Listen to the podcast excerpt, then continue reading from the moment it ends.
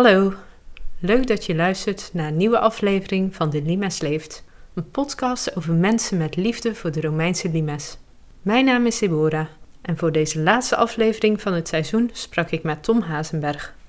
Hij is vanaf het begin betrokken geweest bij limesopgravingen en heeft veel jaren ervaring in het opzetten van publieksactiviteiten. De opname vond plaats op een levendige locatie, de restauratiewerf van de Zwammerdamschepen in het Archeon. Oftewel, geen gebrek aan sfeervolle achtergrondgeluiden.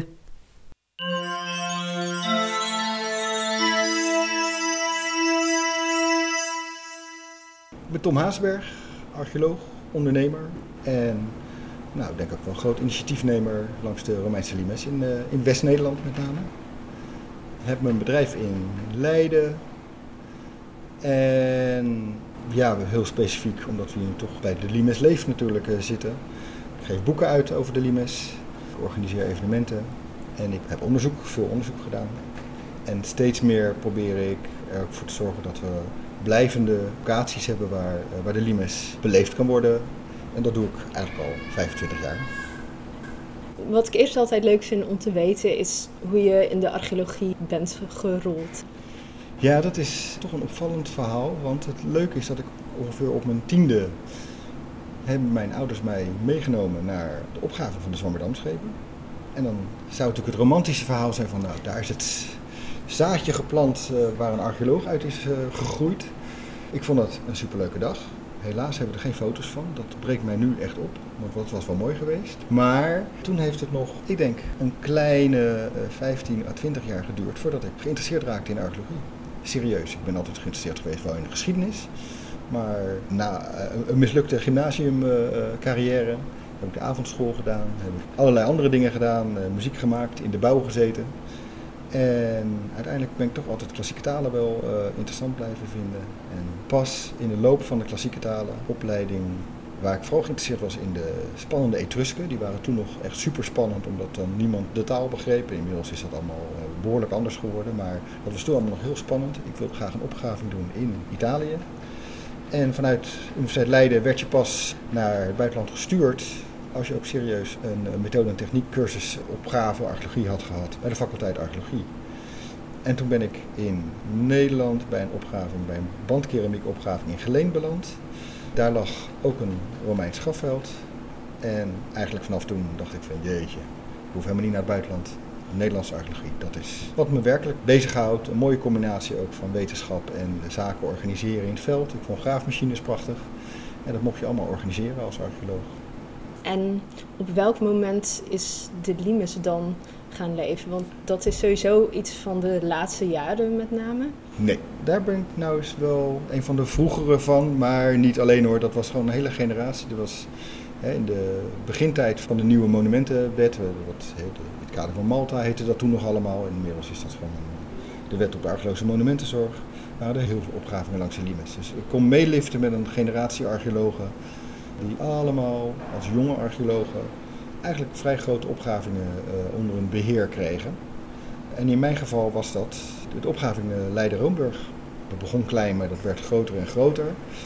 Ik werkte toen bij de Rijksdienst, zoals bijna, ik denk twee derde van de archeologen in Nederland bij de Rijksdienst op dat moment werkte. Ook bij een soort stichting waar gewoon kleine contracten konden worden uitgezet. En tegelijkertijd met de opgraving Leiden-Roomburg had je ook de opgravingen in Valkenburg-Veldzicht. En je had ook de opgravingen van Vechten. Een van de zoveel campagnes die daar geweest zijn. En toen al in het gevoel van kunnen we niet zorgen dat al die opgravingen wat meer samenhang krijgen, hebben we in Leiden-Roomburg een soort verzamelgebouw gemaakt met gezamenlijke vondstverwerking. Nou, regelmatig gingen we ook elkaar helpen bij de verschillende opgravingen. En we spraken elkaar heel regelmatig. Waardoor we eigenlijk met wat, ook wat eerste gedachten over een gezamenlijke Limes-aanpak, over eh, het eerste Limes-project. Ik heb nog de mooiste folder liggen van een eerste groot Limes-project eh, in 1997. We werkten toen al heel veel samen. En eigenlijk is dat, en dat is ons echt door leermeesters ook echt aangegeven, hè, door Wilfried Hessing, uh, Van Es vroeger ook, uh. Onze generatie is het echt gelukt om gezamenlijk op te trekken. Daar kwam op een gegeven moment Leidse Rijn bij met Erik Graafstal. Wouter Vos en Joris Lanzing, Hans Simons. Een hele club archeologen die in gezamenlijkheid de limes hebben aangepakt. En ik denk dat dat een hele mooie basis is geweest voor nou, wat we nu aan het vervolmaken maken zijn. En die club is nou, eigenlijk maar gegroeid en gegroeid. Ja, dan ben je dus als archeoloog aan het werk. Nou, dat zijn allemaal plekken waar de Romeinse kastellen zijn gevonden. Op welk moment ben je gaan denken over hoe kunnen we dat naar het publiek brengen? Dat is noodgedwongen gebeurd. Uiteindelijk is de basis gelegd in Leiden-Roomburg, op Matilo. We hebben natuurlijk in oktober 1996 we hebben daar natuurlijk wel iets heel bijzonders ontdekt, want we hebben daar een Romeins ruitermasker ontdekt.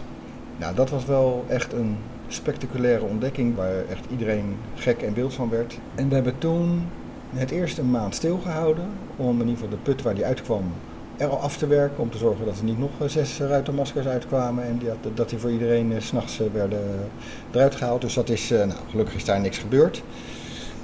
En we hebben gekeken van hoe kunnen we nou dat ruitermasker, wat uiteindelijk natuurlijk een heel spectaculair ding is, feitelijk niet het belangrijkste object van de opgraving, maar dat ruitermasker, ja, dat is een gezicht, dat is spectaculair, het glom. Zoveel daarvan waren nog niet in Nederland opgegraven. Je had de Nijmeegse maskers, maar nou, echt zo'n mooi glimmend masker als wat we in Leiden uh, mochten vinden, dat, dat was wel weer een hele mooie, hele mooie ontdekking. En eigenlijk is het gelukt om de presentatie in, uh, voor, voor de diverse pers, om dat heel goed te organiseren. Soms bedenk je dingen en dan slaat dat helemaal dood. En hier bedachten we een paar leuke uh, manieren van presenteren. En nou, dat werd eigenlijk wel een heel groot succes. En dat werd even landelijk opgepikt. Waardoor we ook echt de kans kregen om niet alleen de spectaculaire ontdekking te vertellen, maar ook archeologische monumentenzorg, het behoud, uh, behoud instituut van belangrijke vindplaatsen, het uitleggen dat deze vondst een hele mooie ontdekking is van zo'n heel groot monument. Het was een beetje, nou, toch wel een van de eerste keren dat, dat, echt zo, dat we dat echt zo konden brengen. Dat is zo goed gelukt dat we op dat moment, ja, je moest, moest ineens persberichten schrijven. Ik heb een aantal keren mogen optreden op televisie, maar ja, daar ben ik doodzenuwachtig voor natuurlijk. Maar dan moet je wel bedenken van, ik zit hier niet omdat ik, eh, omdat, omdat ik nou zo leuk ben, maar ik zit daar omdat ik een vertegenwoordiger even ben van archeologie, van de Romeinse archeologie, van opgravingen in Leiden, van opgravingen langs de Limes. En dat is leuk om te spelen met, nou, om show te brengen, terwijl je eigenlijk ook een belangrijke boodschap wilt brengen. Daar ben ik wel voor een deel door gevormd. We gingen later gingen we in de gemeente Houten graven. We namen natuurlijk wel die ervaring mee van als we nou nog eens een keer wat ontdekken, hoe gaan we dat dan presenteren? Dus, en op een gegeven moment ook geleerd van je kan wel één keer een super boost geven van een super show, maar uiteindelijk een kwartier later is het weer voorbij, want dan, eh, dan, dan, dan is er een oorlog in, Irak of, of, of Amerika valt Kuwait binnen. Veel belangrijker is om een paar van dat soort grote momenten te hebben, maar te kijken hoe je vooral je echt eigen publiek vanaf begin tot eind bij een opgraving kon bedienen. En nou, daar zijn op een gegeven moment, hebben we vooral veel geleerd bij opgravingen in Alphen aan de Rijn en Woerden. Dat waren ook opgravingen midden in de stad. Het waren echt stadsopgravingen alleen naar een Romeins castellum. En daar is het gelukt om met krantjes, met, in die tijd begon ook mijn eigen bedrijf, de lokale weekbladen erbij betrekken, de lokale gidsen. Weet je, vooral zorgen dat niet wij het doen, maar dat het veel meer met de lokale uh, enthousiastelingen gebeurt. Want wij als archeologen verdwijnen na een opgraving. De mensen die enthousiast zijn, die blijven met hun eigen erfgoed ergens. Uh, dus de combinatie met de grote show in Leiden-Roomburg en de nou, twee stadsopgravingen in Alphen en, en Woerden, nou, die hebben een beetje de basis gelegd voor een blijvende activiteit in, met archeologie en publiek. En dan met name langs de, langs de Limes. Dat ruitenmasker, dat was de Gordon, neem ik aan, of niet? Ja. Hadden jullie dat bedacht, de Gordon? Ja, wat we daar bedacht hadden, wat nou bedacht, ja. Voor deel ook gegroeid in de flow. Maar wat, het was wel redelijk geregisseerd. Dat we wel echt een grote persconferentie hadden. We. Dat was ook echt geheim. We hadden een grote persconferentie. We hadden de, onze opgavesketen hadden we helemaal gedecoreerd. Het, was, het was helemaal, zag helemaal mooi en chic uit. En de grap was uiteindelijk dat we hem gepresenteerd hebben als zeer belangrijk ruitermasker. Heel erg symbolisch voor de Romeinse limes. En ook voor de ongelooflijke kwaliteit van Romeinse limesvondsten die, die in Nederland worden gedaan. Hè. Met name omdat hij zo glom, dat kwam ook omdat hij in zuurstofarme, waterrijke omgeving is ontdekt. Dat is het symbool van de Nederlandse archeologie eigenlijk. Maar dat masker had krulletjes. En onze restauratrice, die daar meteen mee aan de slag was gegaan, die, had, die zei van, die lijkt wel een beetje op Gordon. En Gordon, de zanger, die uh, had toen nog krullen. En daarbij was hij net populair aan het worden. Dat is één. En het tweede is dat bij ons op de opgraving werd altijd Sky Radio gedraaid. Met heel veel Nederlandstalige muziek. Het was een beetje de opkomst van de, van de Nederlandse golf, zoals uh, Borsato en Paul de Leeuw en nou, dat soort nummers. Nou, daar, daar paste Gordon natuurlijk uitstekend in. En toen hebben we wel een beetje nou, gespeeld in de perspresentatie dat we dit verhaal ook als een grapje hebben verteld. Hij lijkt op Gordon. Nou, en de uitwerking die was zo fenomenaal, namelijk Volkskrant, NRC. Natuurlijk, prachtige foto's, Romeins ruitermasker, limes, erfgoed, uh, heel belangrijk. Telegraaf, Gordon masker. Op de radiozenders waren uh, top drie's van Gordon liedjes konden mensen uh, indienen. Eigenlijk een heel breed publiek werd bediend. En dat is natuurlijk wel superleuk.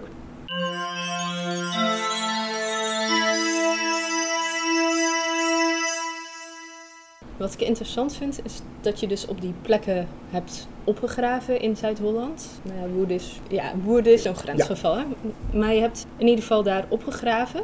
Daar zijn ondertussen ook dingen mee gedaan. Om te laten zien dat die Romeinen hier hebben gezeten. Zijn dat ook initiatieven geweest die jij hebt geleid? Waar ik bij betrokken ben geweest, ja. En ik denk dat we dat voor het eerst in Leiden, nou, toen waren we denk ik met z'n allen ook jong. En de Rijksdienst was op dat moment ook wel, die had ineens al die opgravingen. Ja, die waren ook maar weer blij als het, uh, als klaar was, want er stonden weer twintig uh, andere opgravingen ook te wachten.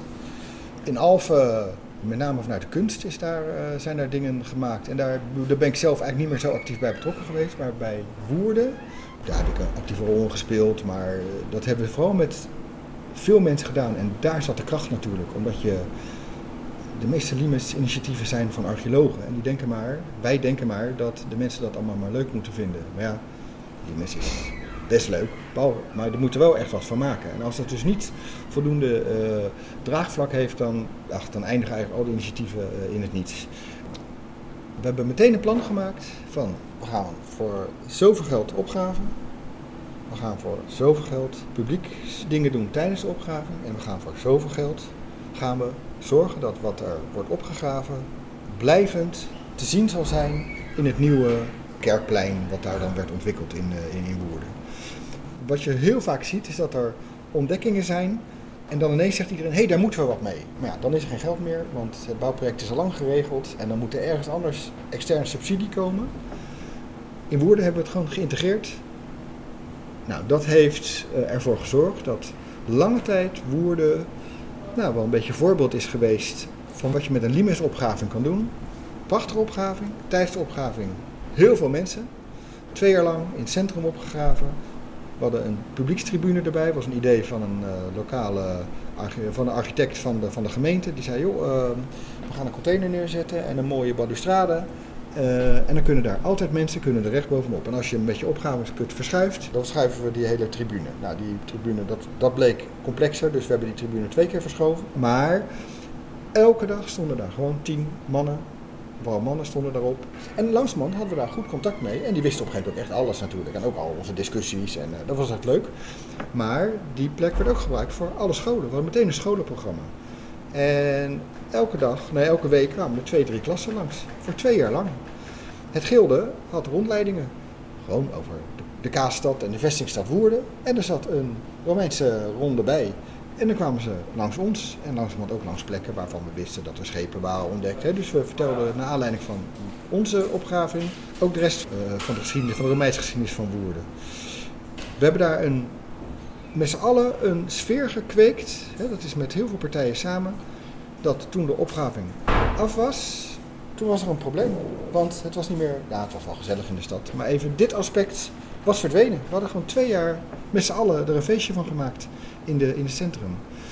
En er moest zelfs op een gegeven moment een aparte avond worden georganiseerd, want er moest weer eens wat gebeuren. Dus we hadden de, de Romeinen in Woerden live avond hadden we. Nou, dan gingen wij weer uh, allemaal mooie dingen vertellen. We hadden filmpjes, we hadden de wethouder die ging een mooi uh, verhaal vertellen.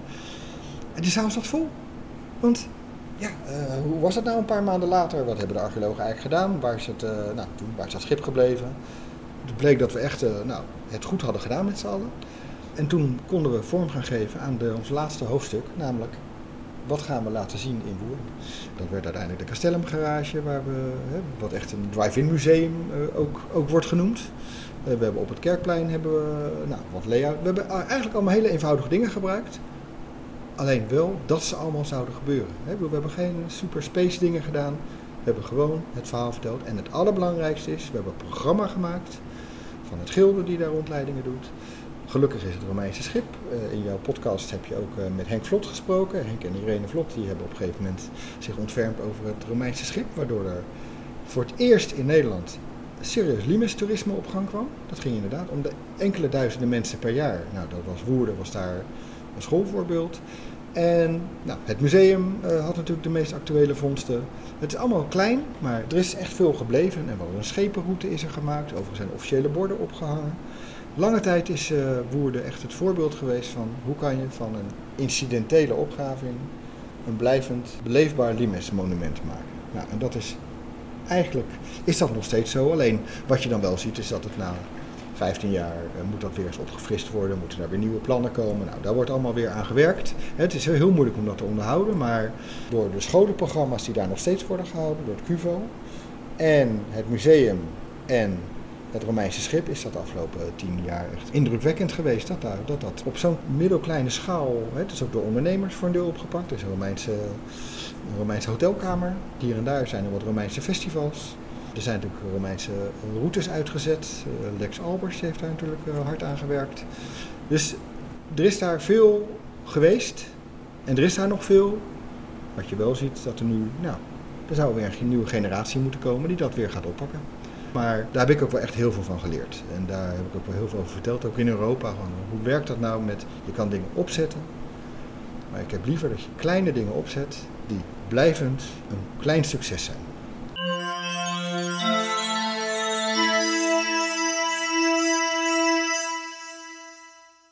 Dit was deel 1 van het interview met Tom Hazenberg. Volgende keer hoor je of Limes-projecten ook succesvol zijn bij het brede publiek. Welke projecten zijn goed gelukt? En welke projecten zijn minder geslaagd? Hoe kunnen we ervoor zorgen dat toekomstige Limes-projecten kans van slagen hebben? Oftewel, wat is volgens Tom de sleutel tot succes? Luister dus volgende keer weer naar deel 2 van deze aflevering in De Limes Leeft.